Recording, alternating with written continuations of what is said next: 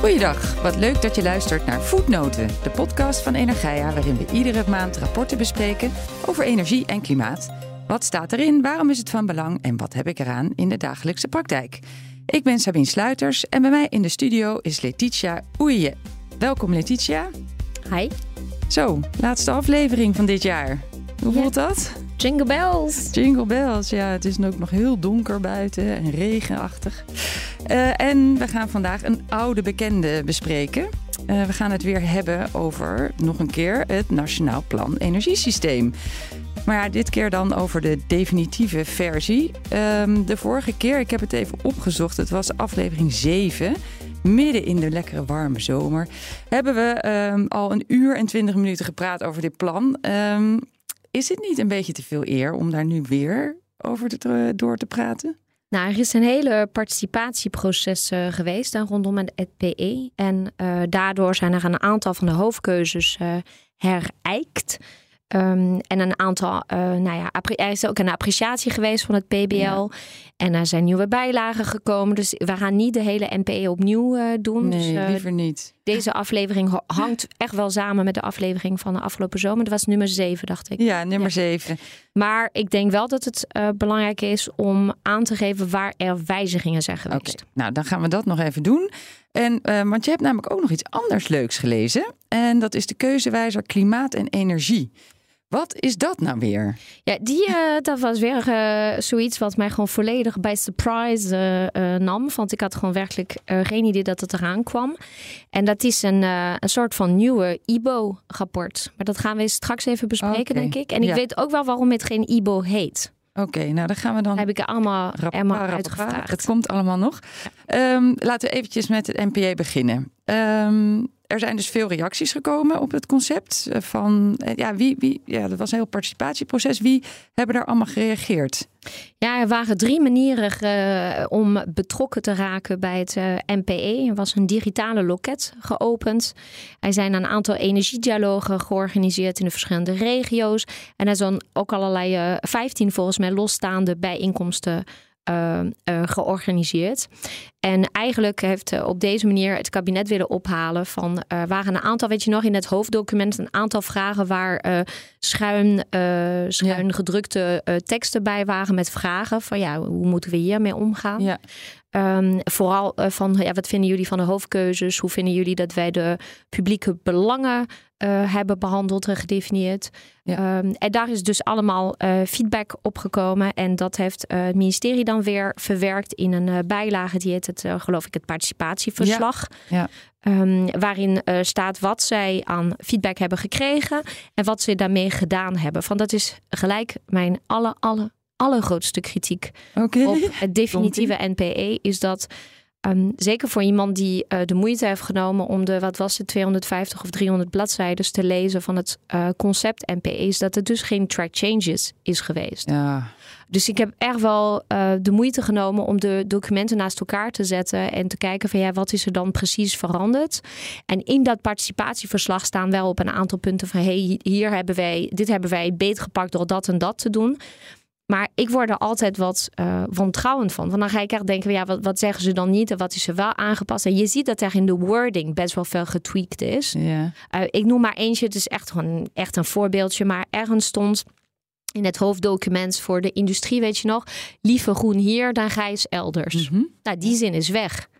Vind ik okay. interessant. Ja, betekent dat dat we dat gewoon prima vinden? Nou, ik denk meer dat dat het, volgens mij was het een zin die ook in, uh, door een aantal politieke partijen in hun, uh, in hun uh, slogans was ja. gebruikt. Dus misschien willen ze het op deze manier minder politiek maken. Maar ik vond, ja, ik, ik, ik word altijd wantrouwend. Ik ga altijd even kijken van, hey, kan ik... Ik heb ook heel veel hulp aangeboden gekregen op Twitter van mensen die zeiden van, hey, als je dit en dit software gebruikt... Ja, precies. Je, je hebt van die compare right en ja. zo heb je toch? Ja. Dus, ja. maar ik heb het gewoon lekker met pen en papier gedaan. Oh, heel goed. Oud handwerk. Ja. Wat waren de voornaamste kritiekpunten? Uh, de voornaamste kritiekpunten. Uh, even kijken. Uh, nou ja, uh, vanuit de burgers was vooral, dat vond ik wel interessant, dat ze zeggen er is te weinig aandacht geweest voor het consumptiegedrag. Zoals je weet uh, ging het NP uit van een, maximale vraagscenario. Mhm. Dus wij gaan ervan uit dat de vraag naar elektriciteit maximaal gaat groeien. En naar koolstofdragers en naar infrastructuur. En de kritiek die dan gekomen is, is van ja, maar wij gingen toch met z'n allen iets doen aan ons consumptiegedrag. En waarom moeten we altijd uitgaan van groei? Ja, grappig. Want eigenlijk hebben we het in onze eigen aflevering ook over, hierover gehad, hadden we zelf ook al vraagtekens bij dit uitgangspunt. Ja, ik vond ook een beetje jammer dat de podcast en de vragen die wij zelf gesteld hadden, niet als onderdeel van het participatieproces werd gezien. Maar uh, nee, heb je gelijk in. En uh, het antwoord van het ministerie op, uh, op dit punt is van ja, besparing is een hoofdkeuze. Dus laten we niet vergeten dat we ook volgaan voor besparing. Maar ze zeggen, voor ons is het doel om economische groei los te koppelen van uitstoot van broeikasgassen en niet de groei te belemmeren. Ja, precies. Uh, dus dat was het antwoord. Uh, andere kritiek, en dat is een kritiek die uh, er ook geweest is bij het PBL. Ja, over de, de, de betrokkenheid van de burgers, hè? of wilde je iets anders nou, zeggen? Nou, ik wilde zeggen de publieke belangen. Oké. van ze zegt, ja, dat zegt ook PBL. Die zegt volgens mij zijn er iets van 24 publieke belangen en hoofdprincipes bij elkaar. Ja. Dat laat zien dat er onwaarschijnlijk veel belangen uh, gemoeid, zijn, met de ja. transitie. En die kunnen elkaar nog wel eens in de weg zitten. Ja, en Ja. waar ze gaan botsen, is het interessant om te weten hoe je de prioritering gaat maken. Ehm, en ze zeggen. eh, Ja, hoe weeg je dat tegen elkaar af? Precies. En ze zeggen ook van ja, weet je, het is ook heel ongelijkzochtere ehm, publieke belangen. Ik bedoel, levering, zekerheid, de betaalbaarheid. Ja, dat, dat, dat is gewoon dat is helemaal Ja. niet te vergelijken. Nee. Raakt mensen op een andere manier. Uh, het antwoord van het ministerie was van de wering is contextafhankelijk en het zal per keer dus een afweging worden. Uh, ik denk dat PBL aangeeft, ja, dit, dit is gewoon niet genoeg. Dus je gaat wel even een kader moeten gaan maken van. Ja. Want dat, zo pas hebben burgers het gevoel dat zij vertrouwen hebben in het proces van ze weten hoe publieke belangen gewoon tegen elkaar afgewogen gaan worden. Ja, tuurlijk. En ze stellen wel voor, hè? ze stellen voor om daar eh, de brede welvaart als eh, afwegingskader bij te gebruiken. Dus dat, uh, dus dat was een belangrijk uh, kritiekpunt. Uh, nou, vervolgens ging het over het samensturen. Hoe ga je dat nou precies vormgeven? Ze zeggen van ja. Nou, ze vonden volgens mij dat het NPE nog erg een plan van de overheid is, waar dan burgers achteraf soort van bij betrokken worden. Ja. Terwijl het echt een plan moet zijn van de samenleving waar burgers mee verbonden voelen en, en dat ze inspireert en de ruimte geeft om zelf ook bij te dragen aan de energietransitie. Ja, en waar uh, Ik denk dan meteen hoe dan? Maar... Waar bestaanszekerheid uh, de buzzword van uh, de verkiezingscampagne van 2023 was, is, het, is de rode draad tussen alle rapporten die ik gelezen heb, handelingsperspectief. Ja. Dat is nu echt even het woord waar het allemaal over gaat. Iedereen moet mee kunnen doen. Uh, moet, mee, moet in ieder geval wel helder hebben hoe die mee kan doen. Ja. Uh, dus dat uh, was belangrijk. En daarover straks meer, want er is een nieuwe bijlage gekomen Ja. in het NP. Die heet de maatschappelijke kant van de energietransitie. Ja. Waarin de burger in de verschillende hoedanigheden wordt gewoon gepresenteerd en ook gewoon wordt behandeld Oké. hoe de burger betrokken kan worden. Nou, uh, ze zeggen, dat is wel interessant. Ik vond dat ze het gewoon heel erg netjes hadden opgeschreven. Wat er allemaal aan de participatie was uitgekomen. Dus ze zeggen van, ja, er zijn uh, veel mensen die vinden dat elektriciteit uh, het zou moeten zijn. En veel mensen die vinden dat waterstof het zou moeten zijn. um, ze zeggen, een groep nadrukt, uh, legt de nadruk op elektrificatie. De andere groep legt de nadruk op waterstof. Nou, Ja. ze zeggen elektriciteit is en blijft de ruggengraat van uh, dit nieuwe energiesysteem. En uh, wij zullen voortdurend monitoren wat het juiste, juiste balans is. Ja. Um, nou, daarna is er kritiek geweest op uh, dat blauwe waterstof. En blauwe waterstof Ja. hadden we ook gezegd is een beetje een. Uh, Ja, beetje... ik kan me herinneren dat je in de vorige aflevering zei dat uh, blauwe waterstof onder de bus was gegooid uh, Ja, in het, het- MTE. Het was onder de bus gegooid. Het is weer van, van onder de bus gehaald. Eh, PBL zegt ook, en dat staat ook later in dat rapport Klimaatwijzer, waar we het over gaan hebben. Van, ja, let op. eh, je, wij, wij gebruiken blauwe waterstof heel vaak een beetje als het. Eh, als het, ehm, hetgeen waarmee je gewoon de, de, de gaten in, het, in de klimaatdoelen gaat, gaat, gaat, dichten. Ja. Maar eh, ja, je moet wel zorgen dat je die vraag naar de blauwe waterstof gaat aanjagen. En dat je de investeringszekerheid gaat vergroten. Want ehm, als je steeds hoort dat, je, dat de blauwe waterstof, dat de window of opportunity is vijf tot zeven jaar. En dat het zo snel mogelijk groene waterstof moet gaan worden. Nou, het, het motiveert je niet echt om daar gewoon met miljoenen in te gaan. Nee, even nog voor de luisteraars die niet weten wat blauwe waterstof is. Blauwe waterstof is waterstof opgewekt met uh, aardgas, of in ieder geval gassen. Gemaakt kan restgassen zijn, ja, of gemaakt daarmee. Maar dan is het afgevangen. Uh, ja. dan wordt de CO2 afgevangen. Ja. groene waterstof is opgewekt met of gemaakt met uh, groene elektriciteit, duurzame ja, Met elektrolyse. Dus dat zijn twee hele verschillende processen. Maar het eindproduct is dus wat betreft de chemische gesteldheid is gewoon hetzelfde. Het is H2. Ja, precies. En, nog even wat gezegd over wat is nou de energieplanologie. moet de overheid niet meer planmatig en gebiedsgericht aan de slag? Uh, en moet het niet de bedoeling zijn dat infrastructuur een leidende rol krijgt? Um, dus dat. En er is uh, natuurlijk ook uh, kritiek geweest op uh, de plannen van de overheid voor de kerncentrales. Maar dat hadden we denk ik ook verwacht. Ja. en last but not least is er ook feedback gekomen op het hoofdstuk flexibiliteit. En met je goed vinden brengt het mij gelijk naar de grootste aanpassingen ja, in het precies. NPE. Want hoe, hoe, wat is er allemaal inderdaad mee gedaan? Je hebt enorm gepuzzeld om dat uit te vogelen. Nou, in de hoofdkeuzes in principe is niks Oh, er is een titel gekomen uh, op het NPE, die vind ik wel mooi. Bouwen, besparen, verdelen en verbinden. Oké. Wel mooi toch? Ja. Dat vind ik mooi.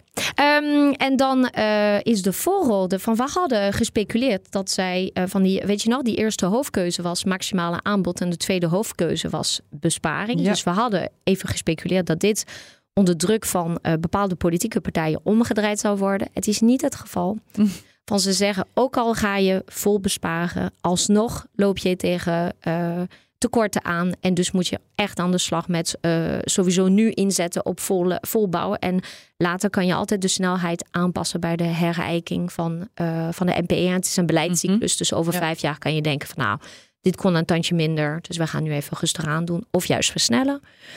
Maar uh, de derde, geloof ik, hoofdkeuze, die heette verdelen bij schaarste. Mm En het woord schaarste is echt een beetje weggevallen in het nieuwe NPE. Het is nu een positiever verhaal. Okay. We praten niet meer over schaarste en uh, we zeggen nu slim inzetten van energie en infrastructuur.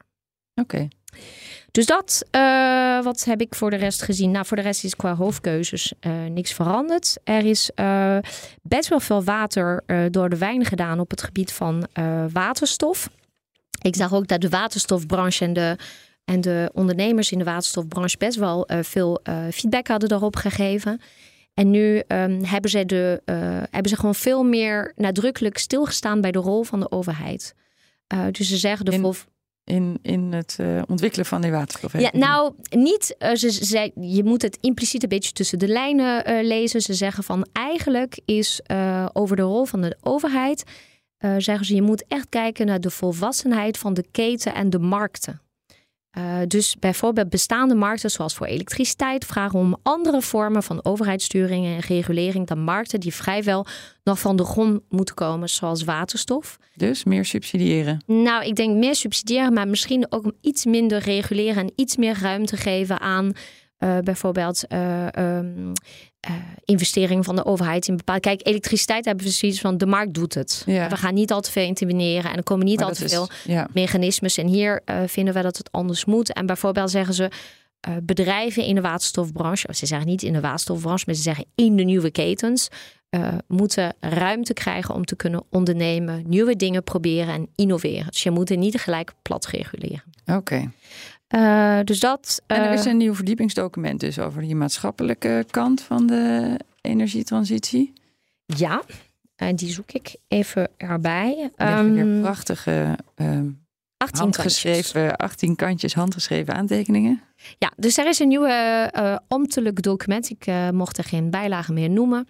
En dat gaat eigenlijk over uh, de maatschappelijke kant van de energietransitie. Mm -hmm. En dat gaat over hoe krijg je vertrouwen van de burger? Hoe ga je om met weerstand, met ongelijkheid?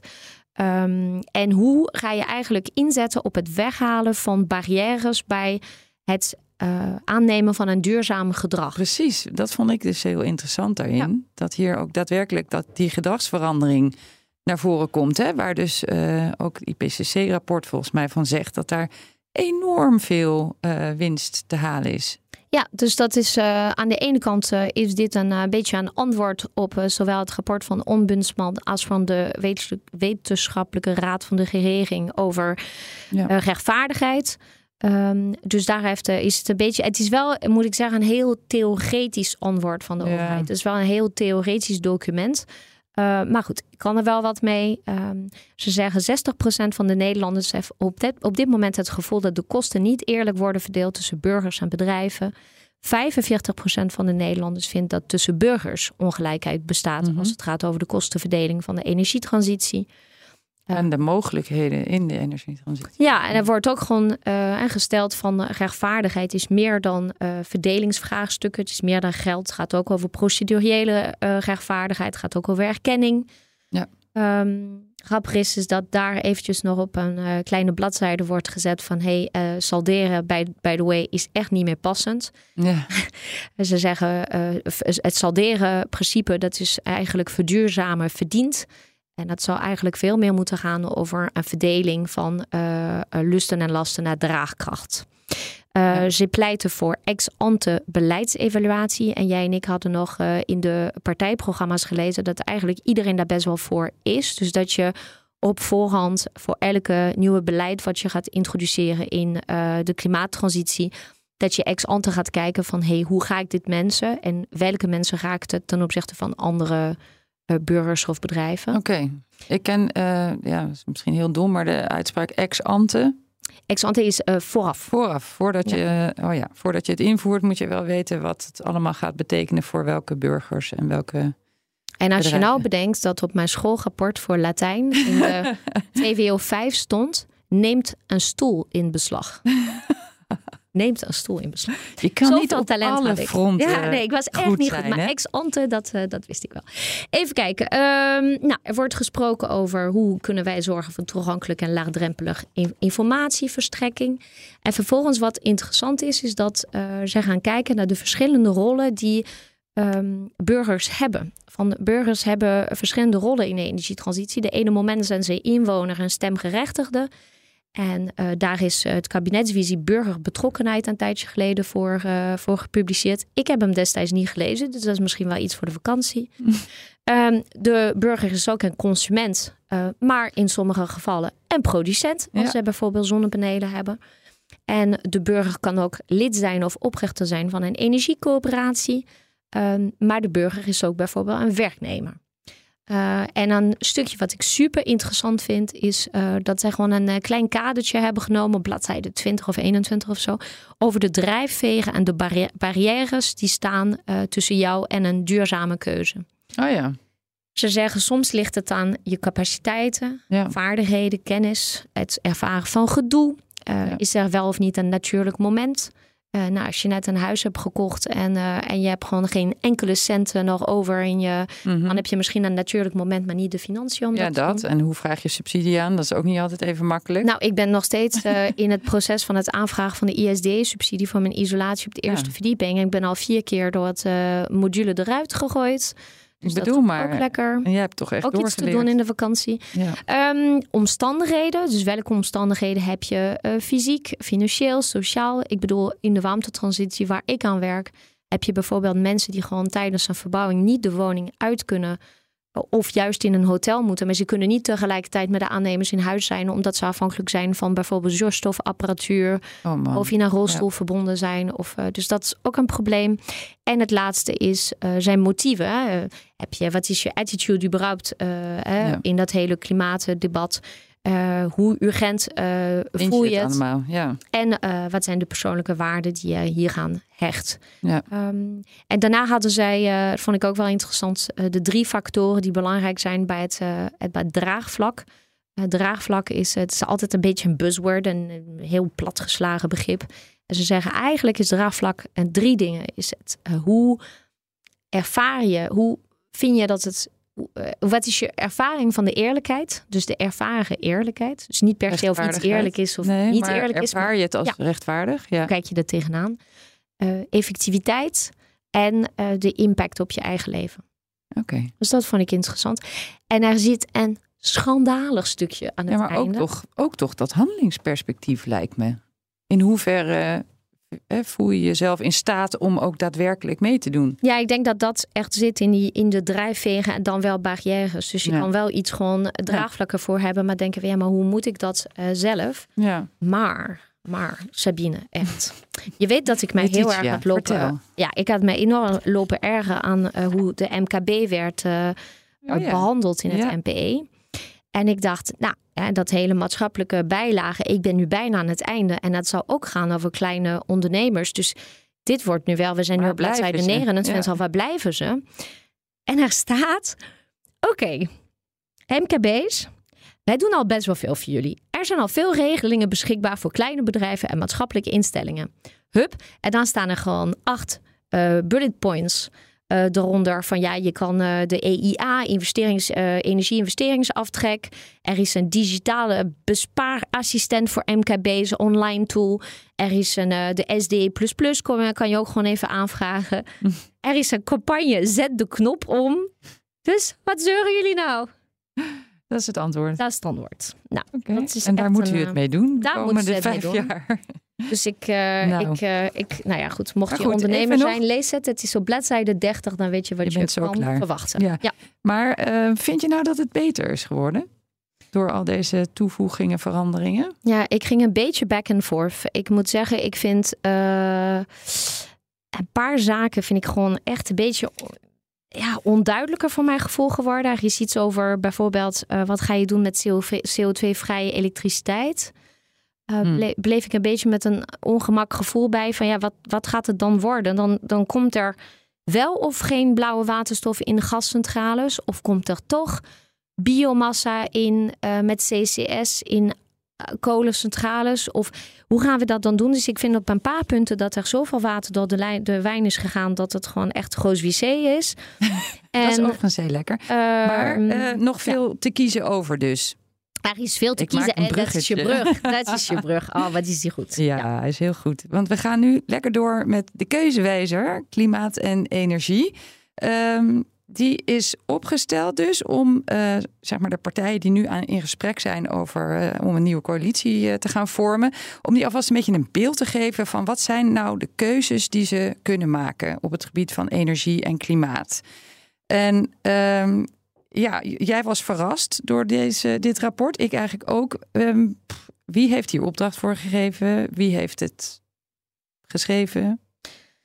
Ja, ik... Waar ehm, komt dit vandaan? Wij hebben dus van waar moeten echt even nu even een tijdslijn maken. Ehm, coalitieakkoord. Eh 55% coalitieakkoord 2021. Ja, 55% eh, CO2-reductie in 2030. Met mogelijk 60% als streefdoel. Zodat je gewoon, mocht het 55, tegenvallen, ja. gaat halen. gaat ja. halen.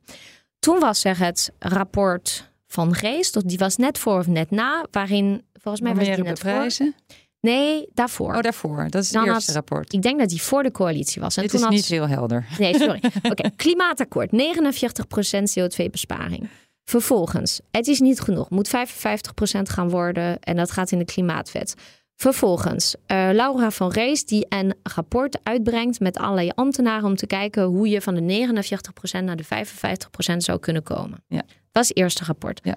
Toen coalitieakkoord van ja, 55 zou eigenlijk wel 60 moeten zijn, zodat je zeker bent dat als het een, een eh, heel koude winter is, dat je alsnog gewoon je doelen kan halen Tweede rapport. Van in 2030. Toen kwam het tweede rapport, dat was het IBO-rapport, ook met Laura van Geest. Ja, en dat was beprijzen. ja, en dat ging over wat kan je allemaal aan extra maatregelen doen om alsnog je doelen voor 2030 te kunnen halen. Wat, wat is een beetje de waar, eh, waar zou het ministerie uit kunnen pikken? Vervolgens kwam het voorjaarspakket met de boodschappenlijst van Jette. Ja. Wat ga ik hier uit deze lijst pakken? Toen kwam de KEF-doorrekening. En de KEF-doorrekening hebben we vorige aflevering Ja, over gehad. Vorige aflevering. En dat was, we gaan net, Net. wel eh, misschien de doelen halen, maar geen 60%, maar wel net de 55%. Iemand zei ehm, laatst, ja, dat is eigenlijk het eufemistisch gezegd, eh, eh, we gaan het niet halen. Oké, nou, ik, ben- ik ben van de glas half vol. Ja. Dus, oké, 55. En vervolgens is dus het NPE gekomen met de hoofdkeuzes voor het energiesysteem richting 2050. Um, en dit rapport is een uh, rapport die gevraagd is door de SG, de secretaris-generaal van uh, eh, EZK, of Klimaat en Energie, hoe heet ja. het nou? Ja. Dus niet door de minister. Dus daarom is het geen IBO. Van een IBO is een interbestuurlijk. Ja, ja? oké. Ja, ik ben er nog. Maar het is een soort van IBO op ambtenarenniveau. Goed. En de opdracht was om en wat, wat de is keuzeruimte, hiervan? de keuzeruimte in het huidig beleid tot 2030 in kaart brengen. Dus waar heb je nog keuzes tot 2030? En daarna richtingen en keuze aangeven voor het lange termijn. Dus de periode tussen 2030 en 2050. Oké. Dus ook de vraag, en daarom maak je de, eh, de link met de formatie nu. Hoeveel ruimte heb je om je ambitie op het klimaat aan te passen? Ja. Oké. Goeie vraag. En um, ja, je staat echt te kijken van ja. deze. nou, ik vind het wel fijn om het allemaal eventjes zo in volgorde weer langs te zien trekken. Al die rapporten. Dus eigenlijk ook alles wat wij wat we hebben besproken. Um, en eigenlijk, dit rapport is opgebouwd. Uh, het, het, het uh, twee delen die voor mijn gevoel echt niet zo heel veel met elkaar te maken hebben. Maar super interessant. Dus dit had best wel twee rapporten kunnen zijn. Eentje is, wat zijn de belangrijkste knelpunten die staan in de weg naar het behalen van de doelen? Wat doen wij er al aan? Waarom is het niet genoeg? En wat zijn de opties die je nog hebt om hier een soort van verbetering, verbetering in te pakken? En daarna zijn ze gegaan naar welke strategische keuzes heb je te maken met elkaar? Oké, laten we beginnen met de knelpunten dan. Um... Dat is echt een topstuk. Zo, nou, Noé van Hulst, uh, kan je in Nee, je ik denk dat Noé van Hulst het rapport zelf niet gelezen heeft. Want in Nieuwsuur en, en in betrouwbare bronnen zei hij een paar dingen over dit rapport die niet in het rapport staan. Ah, zoals? Nou, bijvoorbeeld, hij is, hij is ooit de waterstofgezant ja. geweest. Hè? Um, en hij zegt. Ja, in het rapport staat dat wij gewoon um, echt een soort van wereldleidend zijn of, of koploper zijn op het gebied van waterstof. En ik denk, nou nee, dat staat er gewoon echt niet. Nee. Dat is gewoon een beetje wishful thinking. Zou ook een leugen zijn. Nou, eh, we zijn wereldkampioen PowerPoints, maar uh, dat, uh, dus dat vond ik wel grappig. Met het woord nou, dat, staat niet, dat staat niet helemaal in het rapport nee. van Hulst. Maar goed, even de knelpunten. Dus daar maar mee beginnen, denk ik dan. Ja.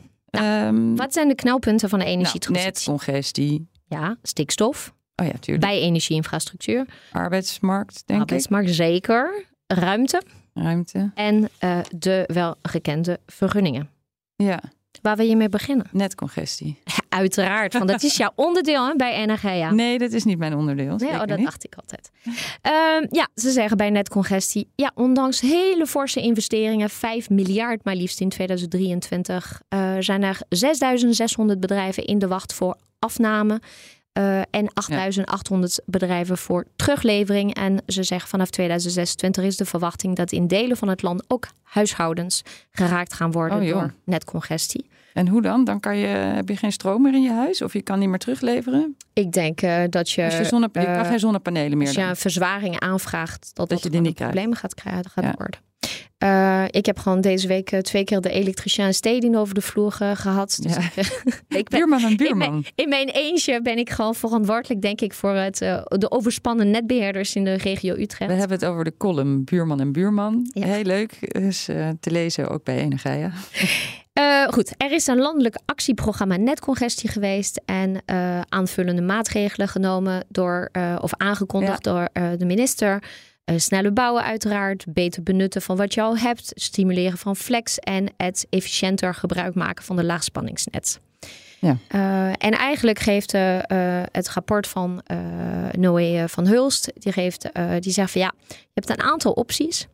Uh, je zou ruimtelijk kunnen sturen op vraag en aanbod. Dus je gaat een veel actievere grondbeleid voeren. Veel ge meer gebiedsgericht uh, uitbreiding van de netten. Ehm, en je gaat daarvoor de omgevingswet en de nieuwe instrumenten van de nieuwe omgevingswet, die per 1 januari van kracht is, zou je daarvoor kunnen insteken. in, maar is dit nou allemaal heel nieuw? Ik dit, dit hebben netbeheerders toch zelf ook allemaal bedacht? Ja, maar dat ruimtelijk eh, eh, sturen op vraag en aanbod, dat is iets wat een netbeheerder niet kan doen. Dat betekent dat je als overheid gaat zeggen van de, op deze plek uh, wil ik een nieuwe, bijvoorbeeld een uitbreiding van dit uh, um, bedrijventerrein. En er is nog plek voor uh, zoveel, die zoveel moeten gaan opwekken. En er moet nog. Dus dat betekent dat je als overheid echt wel gaat bepalen wie waar gaat zitten. En in het NPE is deze keuze niet gemaakt. En dat was een van de grote kritiek van het publiek. Hè? Van moet je niet actiever sturen ja. in plaats van duizend bloemen bloeien. Ja. Nou, optie 2 stond ik echt, ik dacht, oh mijn god, wat een ruwel om dit te moeten lezen. Maar helaas is het waar. Er staat, ja, je zou bijvoorbeeld heel erg gebiedsgericht uh, planmatig je net kunnen uitbreiden. En hierbij aansluiten bij de wijkaanpak van de warmtetransitie. En ik vind heel mooi dat, dit er staat. Nou, de meeste mensen denken dat uh, warmtebedrijven, gemeentes en, en, en um, netbeheerders samenwerken. ja, dat zou je hopen. Dus dat als je gewoon bezig bent met een all-electric wijk, dat uh, Stedin dan wel Alliander gewoon bericht heeft gehad dat dat de plannen zijn in dat gebied en dat ze zeggen van dit komt dus in onze prioriteitslijst. Maar niks is minder waar. Oh. Dus dat staat als optie. En ik vind heel goed dat dat opgeschreven staat. Want dat is helaas wel de realiteit. Ja. Uh, gaan met elkaar om tafel. Ja, gaan met Pak elkaar het gezamenlijk aan. Uh, daarna uh, ja, ga op een andere manier prioriteren van je netuitbreiding. Dus nu bijvoorbeeld doen we het op, op uitstoot. wie gaat de grootste uitstootvermindering opbrengen? Je zou kunnen gaan kijken van wie heeft de grootste verdienvermogen. en bijvoorbeeld Stel dat je nu heel erg aan het uh, uitbreiden van je net bent voor om de petrochemie uh, te helpen verduurzamen, zou je ook kunnen zeggen: van, ja, hebben ze nou echt een toekomst in Nederland, de ja of de nee? Nou, laten we gewoon heel erg inzetten op uh, verdienvermogen van MKB'ers of grote ASML-bedrijven of dat soort dingen die bezig zijn met soort van toekomstgerichte groene economie. Dat zijn toch allemaal hele politieke keuzes? Ja, maar het staat er niet in dat dit gewoon makkelijk gaat zijn. Nee, dat is waar. Dus um, nou, daarna optie 4 is hub, uh, hub met de hubs.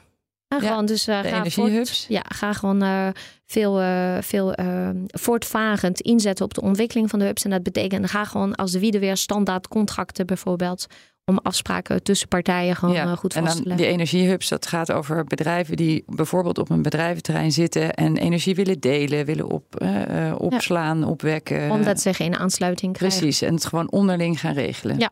ja. Dus ga zorgen dat die contracten tussen de partijen dat dat gestandaardiseerd wordt. Zodat en dat gewoon, het juridisch allemaal mag. Ja, dus dat is, uh, dat is optie 4. Optie 5 is, uh, nou, hup, digitaliseren geeft je best wel veel opties. Uh, Ga inzetten wat digitaliseren allemaal zou kunnen betekenen. Uh, optie 6. Van uh, het net, hè? Hebben we het dan over, het ja. elektriciteitsnet. Ja, maar ook gewoon bijvoorbeeld van, het, van gebruikers. Ja, Als je veel beter meet en, uh, en digitaal meet.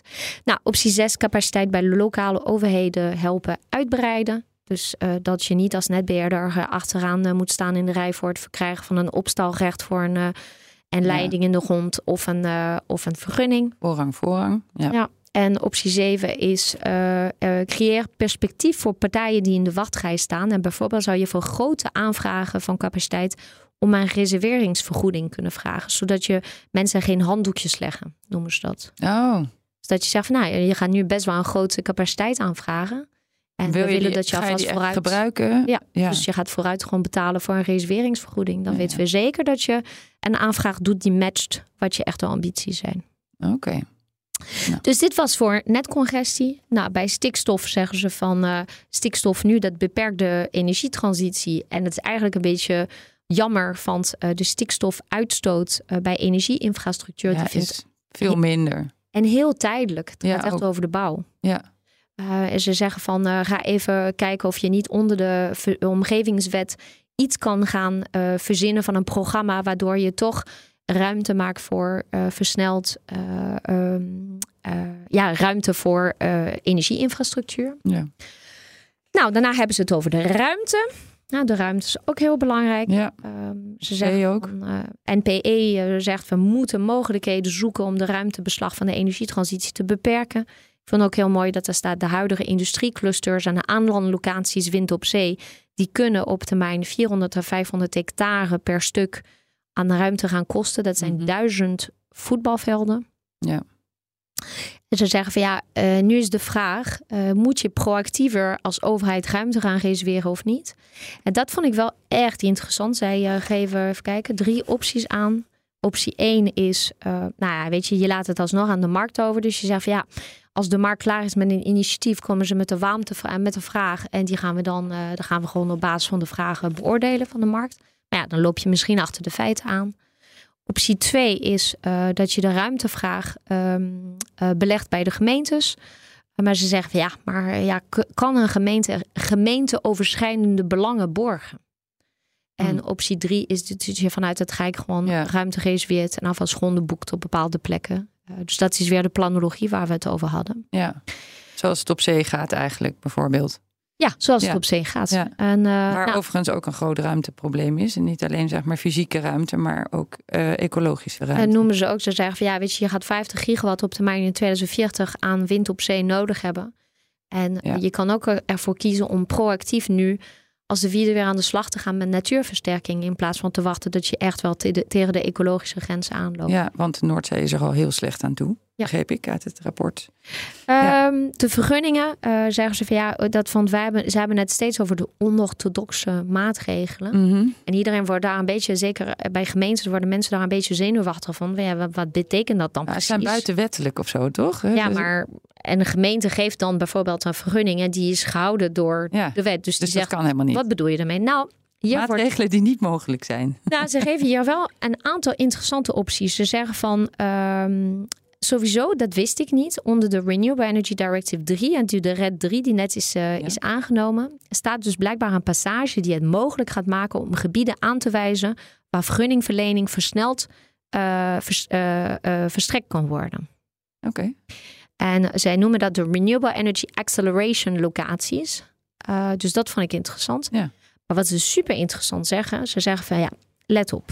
Um, je krijgt een vergunning en dan komt er een hele tijd dat er een beroep, een bezwaarprocedure loopt. Ja. En dat is natuurlijk, en dan ga je naar de Raad van State en dan duurt het eindeloos. Ja. Dus ze zeggen, waarom zou de overheid niet een garantie kunnen geven voor het vooruit bestellen van materialen, het vooruitkopen van gronden, het uh, vooruit aannemen van mensen. Ja, dat je daar niet mee wacht totdat Ja. de vergunning helemaal rond is. Maar... En ze zeggen van dan heb je kans op vernietiging van het besluit, maar dan kan de overheid zeggen van ja, weet je, dan, dan zorgen wij voor uh, dat al die uh, contracten die je aangegaan bent, daar zijn we gewoon garant voor. Ja. Dat vind ik echt, echt een topidee. Ja. Ja. En dan de arbeidsmarkt. Zeggen ze, nou, we zijn al aan de slag met een actieplan roenen en digitale banen. Uh, het gaat over het verhogen van de instroom in het onderwijs, productiviteitsgroei. Maar hun conclusie is van een sturing vanuit de overheid heeft eigenlijk weinig effect. Werkgevers zijn aan zet. Oh, Wat je alleen nog als uh, overheid zou kunnen doen, is bijvoorbeeld groene opleidingen goedkoper maken. Ja. Selectieve arbeidsmigratie. Uh, belangrijk thema. Uh, mensen wel gewoon even naar Nederland halen, maar die een bepaalde skill uh, kunnen. En misschien zelfs opleiden in de landen daar. Mhm. En ze zeggen van en zet vol in op digitalisering en het ontwikkelen van een industriële aanpak. En dat was wel, dat vond ik wel interessant, bijvoorbeeld bij Wind op Zee. Staat verderop in het rapport dat de branche heel erg schreeuwt om Europese standaarden voor windmolens. Want uh, de hele keten die zich daaromheen moet gaan organiseren, bijvoorbeeld de grote schepen die de Ja, ja. uh, onderhoudt of zo. Die Dat zeggen, is ja, wel hoe- mijn portefeuille. Ah, hoeveel makkelijker zou het zijn wanneer er een Europese standaard is, zodat je gewoon van het Nederlandse park door kan varen naar het Duitse park en alle spullen aan boord hebt die daarvoor gewoon geschikt zijn. Ja. In plaats van dat er een schip moet worden gemaakt voor Vestas-molens en een schip moet worden gemaakt voor Siemens-molens. Nou ja, dat. En eh, dat er niet elke keer, die, die molens worden steeds groter. Dus op het moment dat het schip gebouwd is, is hij eigenlijk alweer te klein Ja. om de, molen, de nieuwe molen te vervoeren. Ja. Dus dat vond ik echt. Ik vond eh, als je maar één ding moet lezen deze herf- eh, kerstvakantie, dan, Dan, lijkt mij het stukje over De knelpunten. Ja, Echt super concreet. ja, leuk. Eindelijk, hè, hè. Ja, leuk. Dus er zaten ambtenaren hebben daar aan gewerkt met een hoop eh, oplossend denkvermogen. Ja, nou, ik denk, weet je, als je am- ambtenaar bent, dan heb je natuurlijk best wel vaak gewoon mensen uit de branche op bezoek. Die komen zelf met voorstellen van ja, dit, dit kan slimmer. Je hebt het idee dat er heel goed naar geluisterd is. Dat weet ik zeker. Ja. Ja. dat blijkt echt uit het rapport. Dus Leuk. Dat, eh, ja. Oké, nou dan gaan we nu eventjes weer terug naar het begin van het rapport. Want um, dat gaat helemaal over het stellen uh, van doelen. En, maar nog een stapje terug is eigenlijk van ja, is er, is er dan zoveel te kiezen? Tot 2030 zeker ligt volgens mij heel veel klimaatbeleid vast. Dus wat is er dan nog aan keuzes over? Ja, ze zeggen je kan. Uh, er zijn een aantal strategische keuzes die je kan maken. Je kan strategische keuzes maken over klimaatdoelen, ja. Uh, over energiebesparing, over het wel of niet sturen. Maar tot 2030, die klimaatdoelen, die liggen toch vast? Nee, dit gaat over daarna. Ja, daarna heb je meer keuzemogelijkheden. Ja, maar voor over... die tijd? Nee, ze zeggen, nou kijk, wat zij zeggen over voor die tijd, ze zeggen van ja, als jij echt denkt dat je je doel van 2030 los kan laten, I got news for you. Er staat er ergens een, uh, de vijf of zo. Ja, en, en uh, samenvatting van al de ja, um, richtlijnen. richtlijnen, bindende doelen die we hebben, subdoelen, hebben wij in de KEF. Weet je nog, we zijn helemaal op een gegeven moment keken we naar mobiliteit, dachten we, oh my god. Ik heb trouwens een stage gevonden. Oh, leuk. Ja, ja. Maar um, dus ja, dus dat, ze zeggen van ja, er is zoveel dat het loslaten van 2030 lijkt ons uh, niet uh, opportun ja. of mogelijk. Maar daarna, dat ligt minder stevig vast. Hè? Ja. Dus zelfs Europa is nog bezig met het bedenken van het doel van 2040. Ja. Um, en daar wordt de komende tijd over onderhandeld in Europa. En de werkgroep dringt er dan ook op aan om uh, dat een nieuw kabinet daar zijn positie gaat bepalen. Want ja, als je mee wil praten, moet je wel weten wat je wil. Ja, en dat was, een, uh, dat was volgens mij in die uitzending van uh, Noé van Zulsa. had echt best wel leuke, leuke beeldspraken. Die ik dacht dat ik ze opgenomen had. Maar had gezegd van ja, je kan in Europa, kan je, oh ja, kan je verschillende dingen doen. Je kan of achter in de bus gaan zitten. en dan heb je echt eh, minder mee te bepalen verslechteringen van je investeringsklimaat. En dan blijven de ondernemers in Nederland maar te wachten op wat Brussel gaat bedenken. Of je gaat gewoon vooraan uh, aan het stuur zitten en je gaat helpen mede bepalen wat, uh, hoe erg naar klimaatneutraliteit gestuurd gaat worden in Europa. Ja, dus dat is een keuze. Dus dat is een keuze. En ze zeggen van ja, en daarna kan je, uh, kan je kijken of je wil de ambitie verhogen richting 2040. Nou, je vergroot hiermee de knelpunten, want die lossen niet vanzelf nee. water op.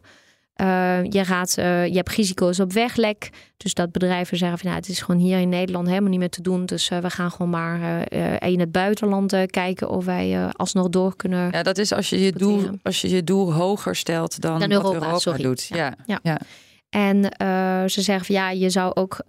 en, ehm, Die kans acht ik overigens heel klein, maar.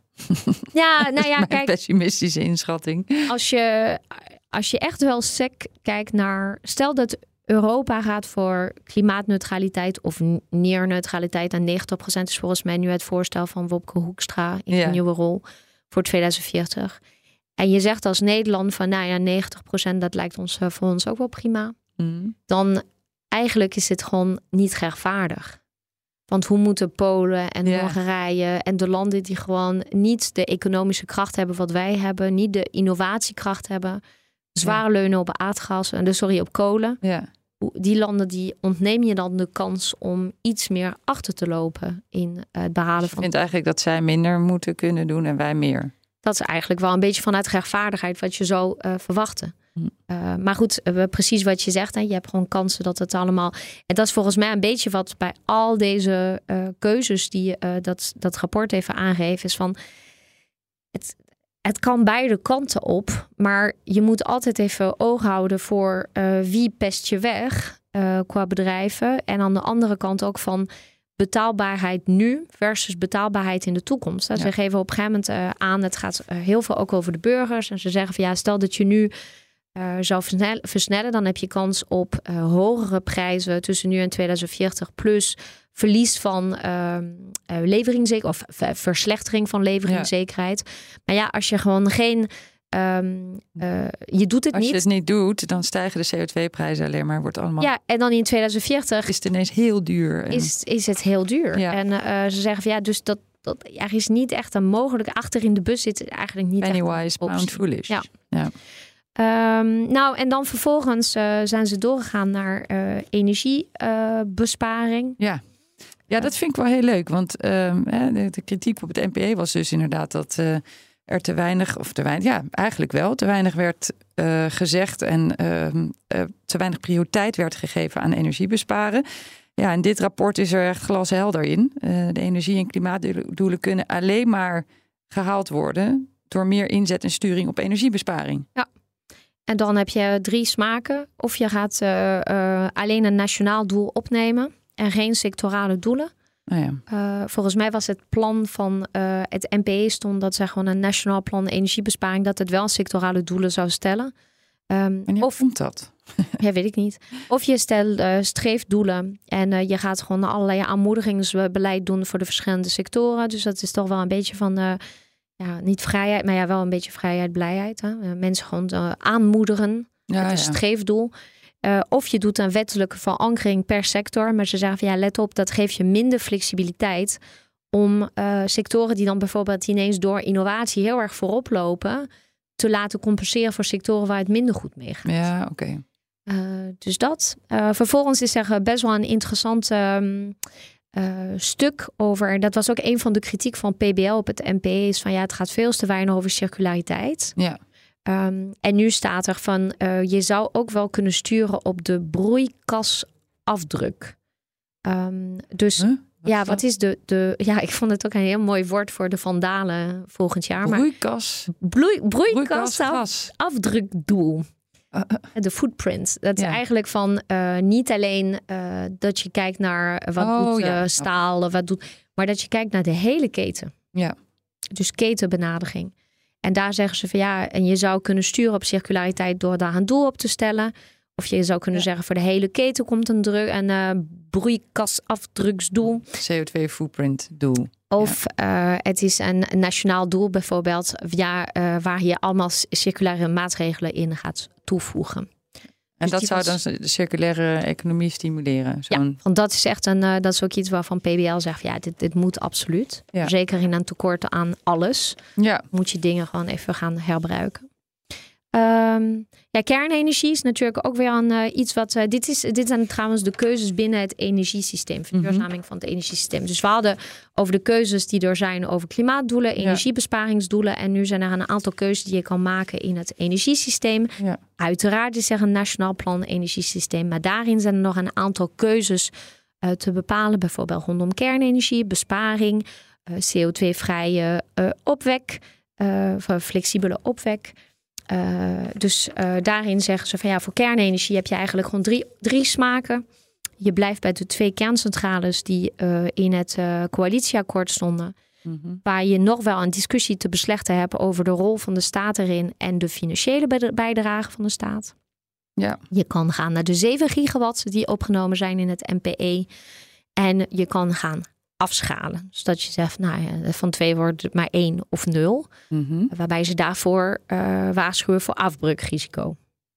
Afbreukrisico. Nou, je hebt, als je zegt van we doen helemaal niks meer, terwijl je net eh, weet ik wel hoeveel studies hebt gepubliceerd en hebt Nou, aangekondigd dat je Ja. eh, plekken gaat kiezen en dat er, er is gewoon Er volgens mij hele, haalbaarheidsstudies gedaan. hele nieuwe vleugel opgericht binnen, binnen EZK met allemaal nieuwe ambtenaren die daaraan heel hard werken. Ja. En, en dan ga je van de een naar de andere dag zeg ik stoppen mee, dan heb je wel een afbreukrisico. Ja.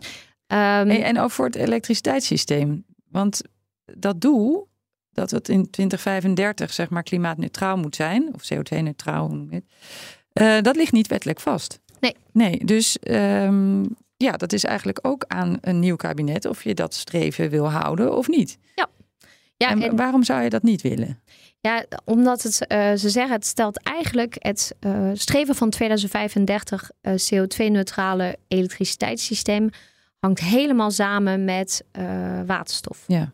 Want je gaat het alleen gewoon kunnen halen als je vol groeit op zon en wind eh, en, en, en op Mhm. zee en op land. Maar dat je, je moet dan ook even daarvoor zorgen dat je iets van eh, backup hebt en dat dat CO2 Flexibele eh, opwek, dus gascentrales op waterstof. ja, en ze zeggen van ehm, ja, die gascentrales op waterstof, dat gaat een hele significante waterstofvraag toevoegen aan het systeem. Er is weinig waterstof.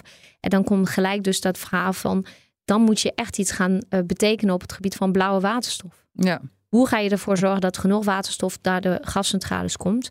En, en ze zeggen, en voor de rest zou je ook gewoon kunnen eh, overwegen, geloof ik dat het bij hen ook staat, dat je zou kunnen overwegen om alsnog uh, bio. Oh ja, interessant. Ja. Dat staat later in het rapport bij koolstofgebruik voor energie en CCS. Ze zeggen je zou ook alsnog kunnen overwegen om biobrandstoffen te verbranden voor energie. Okay. Ondanks de problemen rondom luchtkwaliteit en het verzet van uh, Ja. burgers. Oh, je kijkt er heel vies bij.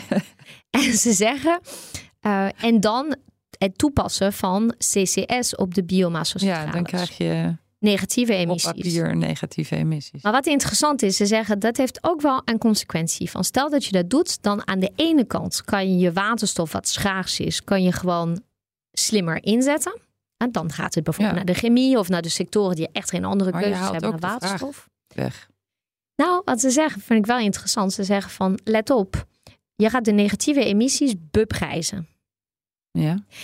Dus ineens heb je een incentive om die biomassa-centrales must run. Dus 24-7 te draaien, van Ja. die halen CO2 uit het systeem.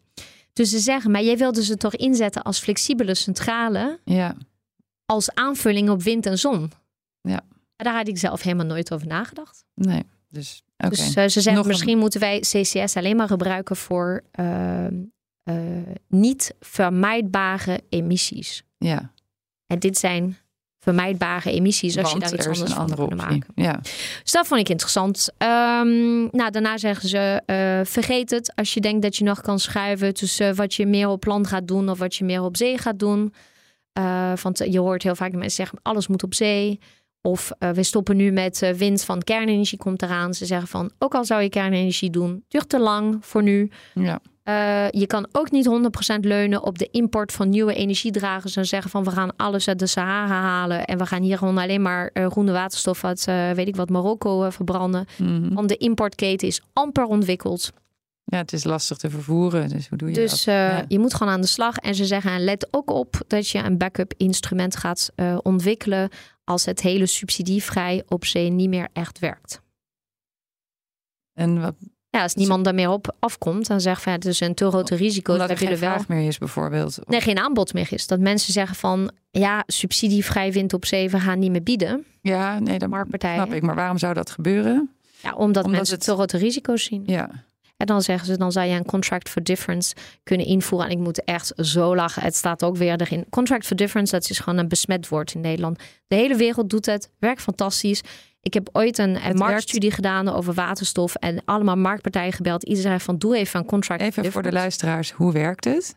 Dat je gewoon een prijs afspreekt met de overheid. En dat je zegt, van, ja, Een valt, minimumprijs. ja, eh, nou, een soort En een maximum price. eigenlijk ook. En je zegt, valt, eh, komt het erboven, dan, eh, ehm, dan, moet je, dan kan je het houden. Ja. Komt het eronder, dan... nee, volgens mij is het juist anders. Komt het eronder, dan gaat de overheid het gewoon vergoeden. Komt het erboven, dan betaal je het terug aan de overheid. Precies.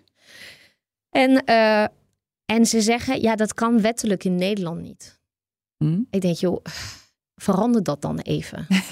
het is echt, ja, we zijn zo verknocht aan onze SDE-systematiek... dat gewoon geen, eh, je mag niet bui- buiten de lijnen kleuren. Nee. Dus dat vond ik een non-argument. Goed, ehm, waterstof als laatste zeggen ze. Ja, je kan eh, bij waterstof kan je verschillende keuzes maken. Je kan of ehm, een hele actieve rol nemen. Dus dat je gewoon bijvoorbeeld alle volop risico die er is bij het ontwikkelen van infrastructuur en opslag, dat je die als overheid naar je toe trekt. Ja.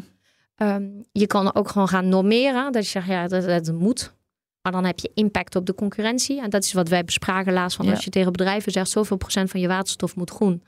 Dan eh, hebben ze gelijk een meerkost. Of eh, dat ze gewoon die waterstof niet kunnen vinden. Of je kan zeggen van nee, we gaan gewoon alleen duidelijkheid scheppen. Bijvoorbeeld over de rol van waterstof. En we gaan bijvoorbeeld een aantal belemmeringen weghalen. Zoals de nettarieven die elektrolyzers moeten betalen. Van dat Ja, ja, dat is ook- van de business case. Ja, ja, ja. Hetzelfde bij blauwe waterstof zeggen ze. Je zou een faciliterende rol kunnen nemen. Dus je helpt met transport en opslag. Je bouwt terminals. Mhm. Eh, of je gaat actief ruimte maken door lagere ambities te stellen voor groene waterstof. Zodat er meer ruimte overblijft voor blauwe waterstof. Eh, of je gaat eh, actief eh, stimuleren waarbij je kans hebt dat je op termijn een lock-in hebt. Dus dat wij gewoon zo verknocht zijn aan de blauwe waterstof dat je daar eh, nog 30 jaar mee doorgaat. En eh, bij het importeren van waterstof zeggen ze of je laat het helemaal over aan de markt, of je gaat vol investeren in corridors, terminals en zo, zodat het in ieder geval naar Nederland kan, of je gaat gewoon zelf inkopen als overheid. Nou, duidelijk. Ja. Ehm, ze zeggen ook van alles over sectoren. En um, nou, bijvoorbeeld, uh, uh, ze hebben een heleboel gezegd over de warmtetransitie. daar zou een voortvarende invoering van de wet collectieve warmte de WCW uh, nodig zijn om een start te maken met de realistische, of sorry, de realisatie van collectieve warmtesystemen. Nou, jij zit er helemaal in. Ja. Klopt ja, dit? Ja, ja, kijk, wat ze zeggen vind ik heel belangrijk. Ze zeggen van collectieve warmtesystemen, en dat is volgens mij ook gewoon uh, gebleken uit of het PBL of nou, een van die andere stukken die we net besproken hebben. Mm -hmm. Collectieve warmtesystemen is gewoon maatschappelijk de laatste kost om uh, ja, dat te verduurzamen in de gebouwde omgeving. En mensen gaan het heel vaak gewoon even door elkaar halen met de tariefstelling van warmte. Die zijn niet als een lage kosten Nee. ervaren. Maar het gaat over, los van de tariefstelling, is het de maatschappelijk laagste kosten is van iedereen aansluiten op dezelfde bron. Ja. Dat is gewoon makkelijker. Ehm, nou, ze zeggen van dit loopt echt achter. Nou, I agree. Uh, en dan zeggen ze van ja, we moeten de realisatiekracht van die collectieve warmtesystemen moeten we gewoon echt enorm stimuleren. En we moeten het vooral heel erg aantrekkelijker gaan maken voor de eindgebruikers. Meer budgetruimte in de SDE++. Uh, sterker subsidiëren van de bijdrage aansluitkosten. Dat is de eenmalige kosten die je betaalt om aangesloten te worden op een warmtenet. Ja, dus het moet aantrekkelijker worden voor mensen om te zeggen: ja, ik wil op een warmtenet. Wat een goed idee. Ja, wat Ja. een goed idee. Want het is nu vaak duurder dan. eh, Het is gepercipieerd duurder. Het, de, het mensen, is in ieder geval niet goed. monopolie. Uh, Ja, je hebt er zelf geen invloed op. Ja. En je bent nooit eigenaar van je systeem. Nee. Dus je bent gewoon eh, op het collectief aangesloten. Dat Ja. is anders dan wanneer je eigenaar bent. Het is een beetje net als water. Ja, het is gewoon hetzelfde als water, Ja. maar dan warm. Je moet alleen een beetje wennen. Dat je. Maar, maar, Ja? maar. Ze Nu komt het. ja, wij moeten VWE's ontzorgen. Ja. Dat is toch mooi? Je hebt gewoon Control Find VWE gedaan. Hij staat erin. Hij Hij staat erin. Ik ben er hier zo blij mee. Ehm, dus dat is wat ze zeggen over de warmte. Ik moet wel zeggen dat ze daarna eh, bij de keuzes was ik echt een beetje teleurgesteld. Van eigenlijk is het, ehm, ja, laten we gewoon vooral doorgaan met wat we allemaal ingezet hebben. Ja, Waarbij maar dat paar. helpt niet. Nou, nou, niet alleen het helpt niet, maar ze noemen ook instrumenten. Ze zeggen van ja, de NIP en de energiefixers, alsof dat Ja. hetzelfde is. Nou, dat is niet hetzelfde. En daarna zeggen ze, ik, ik zag een, een zinnetje om huishoudens volledig te ontzien in kosten. Om tot de iso- isolatiestandaard te komen, is de inschatting dat er een financieel gat is van 14.000 euro per woning. Zo, ju. Ja, maar dat klopt gewoon helemaal niet. Dat is veel te weinig. Ja, tuurlijk is het meer. Dus dat, dat ja, Hoeveel het- is het volgens jou? Ja, ik denk dat je gewoon tussen de eh 40 en de 50.000 euro per eh, huis, en dat is al een, echt een lage inschatting, heb je nodig. Van kijk, je moet nadenken in al die, grote complexen. moet gewoon de greven opnieuw, de balkonnen opnieuw, de koude bruggen worden aangepakt, het Ja. glas. En ik denk, van, zijn dat prijspeil 2006 of zo? Dat, Ja, eh, en dan zeggen ze het financieel gat. Hè, dus dat zal betekenen dat je dus de rest uit je, uit je zak kan halen. Of dat je daar een lening voor aan, aan kan vragen. Nou, dat, dan, dan heb je al die mensen in energiearmoede... heb je gewoon daar in één klap gewoon even uitgesloten. Ja, Dat klopt gewoon helemaal niet. Dus ik vond dat stukje van het rapport vond ik niet helemaal tenderend. oké. Nou, misschien dat ze je nog even raadplegen. Is- Ehm, Ik ben op vakantie. Ja, heerlijk. Eh, even kijken hoor. We- De industrie? De industrie we nog eventjes wel kort ehm, behandelen. Maar ehm, ja, de, deze werkgroep schrijft dus dat eh, met de verandering naar een klimaatneutrale samenleving ook de bestaande industrie in Nederland zal veranderen. Ehm, nou, de EU-ETS stelt een duidelijk eh, afbouwpad naar nul in 2040 eh, voor de uitstoot van de zware en de kleine industrie. En welke opties heeft dan een toekomstig kabinet nog? Ja, af. twee dingen. Eh, ga je denken van het ETS is toereikend als Ja. borginginstrument voor de, de klimaatdoelen? Of ga je daar aanvullend nationaal beleid erbij doen, net als de CO2-heffing er nu? Precies, ja. Eh, en het tweede is, wat, wat voor rol zie je voor jezelf weglegt? Ga Mhm. je voorwaarden scheppend te werk? Dus je zorgt ervoor dat de infrastructuur gewoon op tijd er is. En je zorgt ervoor dat er genoeg waterstof eh, naar Nederland komt, bijvoorbeeld. En genoeg wind op zee. Mhm. Of ga je sturen en inzetten op de groei van een nieuwe ecosysteem. Dus ze noemen het de Clean Tech Race. Ja, zorg je ervoor dat die, die, die, die, die banen, dat het gewoon echt, uh, dat, nou ja, dat, nou, je dat Nederland enorm aantrekkelijk wordt voor groene industrie, eigenlijk. Ja, maar dan ook type industrie. Ja, wel cleantech-industrie. Dus dat is weer wat ik jou vertelde het over. van electrolyzers, het ontwikkelen van. Uh, bij bouwen van warmtepompfabrieken, Warmtepomp, ja. dat soort dingen. En, en dat is eigenlijk wel wat ons, ons kritiek als nederige podcastmakers was op het NPE, is dat in het NPE worden er geen keuzes gemaakt. Zeker. Ja. Miette heeft gezegd: iedereen is welkom ja. en kan en mag verduurzamen, mits die wil. Ja. En uh, nou ja, hier wordt toch wel gezegd: ja, is dat wel zo? Is dat wel, is dat wel handig met ja. het oog op de toekomst? En waar, ja. hè, wat is de, de economie van de toekomst eigenlijk? Ja. ja. En het laatste is uh, denk ik het uh, meest interessant voor de formatietafel. En dat is dat bij mobiliteit is dit rapport uh, snoeihard. Mm -hmm. En zegt van, is heel simpel. Er zijn gewoon drie dingen die je moet doen. stevigere inzet op het bijmengen van biobrandstoffen. Het aan, aanzwengelen van je EV-beleid, je beleid op elektrisch vervoer. bijvoorbeeld een gewichtscorrectie voor elektrisch vervoer in de motorrijtuigenbelasting. Normering van de zakelijke wagenpark 2027. Waar kennen wij deze vandaan? Ik weet het niet meer. De IBO. Oh, de, de IBO. IBO. Ja, natuurlijk, normering, Um, dom. eh, en het laatste is betalen naar gebruik. hey, daar is die weer. Favoriet VVD-thema. Ja, Het heette ooit de rekening rijden. rekening rijden, maar nu heet het betalen naar gebruik. Dan lijkt het iets anders. en weet je, ik heb daar iets geleerd. Oh, vertel. Nou, in, het, uh, in al die verkiezingsprogramma's die wij gelezen hadden, was dat en juist een argument van bijvoorbeeld de BBB en NSC, geloof ik ook. Die zeiden van ja, dat is eigenlijk helemaal niet eerlijk. Van rekening rijden gaat vooral mensen. Uh, uh, Betalen naar verbruik is niet eerlijk. nee, want het gaat vooral mensen die lagere inkomen hebben en mensen die in het landelijk gebied wonen en meer kilometers moeten maken, worden daar harder door gestraft. Ja, ja. En er staat een, uh, een uh, klein stukje over een BNG-onderzoek die er gedaan is. Wanneer ze zeggen: lagere inkomens rijden minder Ja. gemiddeld kilometers. Uh, huishouden in het landelijk gebied hebben meer auto's. Dus meer kilometers rijden ze wel, maar het verspreidt over meer auto's. Dus vrouw heeft een auto, de man heeft een auto, Mhm. kind, de oudste kind heeft een auto. En ze zeggen dus een systeem waarbij de motorrijbelasting naar rato van het aantal gereden kilometer wordt betaald, pakt niet nadelig uit voor het landelijk gebied. Oké, Bam. interessant. Ja, Dat is toch heerlijk dat al die onderzoeken worden gedaan. ja en gelezen. Door jou. Oké, ehm, hoe gaat het nu verder? Want we hebben dit keuze, deze keuzewijzer, deze, dit heerlijke keuzemenu. Ehm, wat, gaan, wat gaat hier nu mee gebeuren? Want het kan ook gewoon in een la. Want eh, ja, er is geen enkele verplichting om hier iets mee te doen, toch? Eh, ja, dat zou je ook eh, kunnen zeggen, maar ehm, dat is niet zo.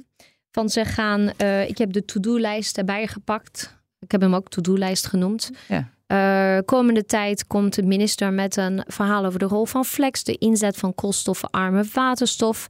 Eh, gaat iets zeggen over het vroegtijdig aanjagen van import van hernieuwbare waterstofdragers. Op basis Gaat van deze keuze, deze keuzewijzer. Nou, zijn NP en alle andere keuzewijzers die hij gekregen heeft. ja, ja. Hij gaat iets doen over de forse opschaling van collectieve warmtesystemen. En gaat, eh, En dan gaat hij dit al- allemaal bij gebruiken. hij gaat allemaal van alles doen. En dan eh, wordt dit allemaal verwerkt in het klimaatnota die, en het energienota die naar de Kamer zal gaan. We hebben weer veel te lezen volgend jaar. We hebben zeker veel te lezen. En ik zat ook ergens anders zat ik dat er een klimaatplan. Dat kan ik nu ner- helemaal nergens meer vinden. Maar ook weer iets waarvan ik dacht, oh, ik wist niet eens dat dat bestond. Dus Ja, die komt nee, ook in klimaatplan. 2024. Komt er ook aan, ja. Ja. ja. Ben je nog iets leuks tegengekomen? Ja, ik ben een. eh, Misschien in de voetnoten. Ja, nou niet in de voetnoten op bladzijde 4 van verdiepingsdocument D, maatschappelijke kant van het energiesysteem. Beetje melig. Oké, dan, dan hebben we het even over het definitieve NPE. Ja. Ja. Ten eerste beschrijven wij in hoofdstuk 1 vanuit de wetenschappelijk bla bla bla bla. bla. Vervolgens gaan we in hoofdstuk 1 dieper in de. In hoofdstuk 1 en 1 beschrijven wij hoe de energietransitie. Het Staat- gebeurt allemaal in hoofdstuk 1. Allemaal in hoofdstuk 1. Nee, ze hebben, eh, ze hebben wel een, eh, een eh, spelcheck dan wel. ik denk dat het echt, je ziet dat er heel hard en heel snel gewerkt is. Ja, precies. Vond ik Nou, grappig. ja, waarvoor toch een compliment. Ehm, nou, Zeker. dan zijn we uh, ja, dit is dan het einde van onze laatste aflevering van dit jaar. Kerstreces. Ja, dankjewel Letitia. Um, gelukkig blijft de stroomrapporten onverminderd voortrazen. Dus uh, in het nieuwe jaar zijn we gewoon weer terug met een hele nieuwe reeks. Heb je een vraag of een opmerking naar aanleiding van deze aflevering? Laat het ons dan weten via de socials.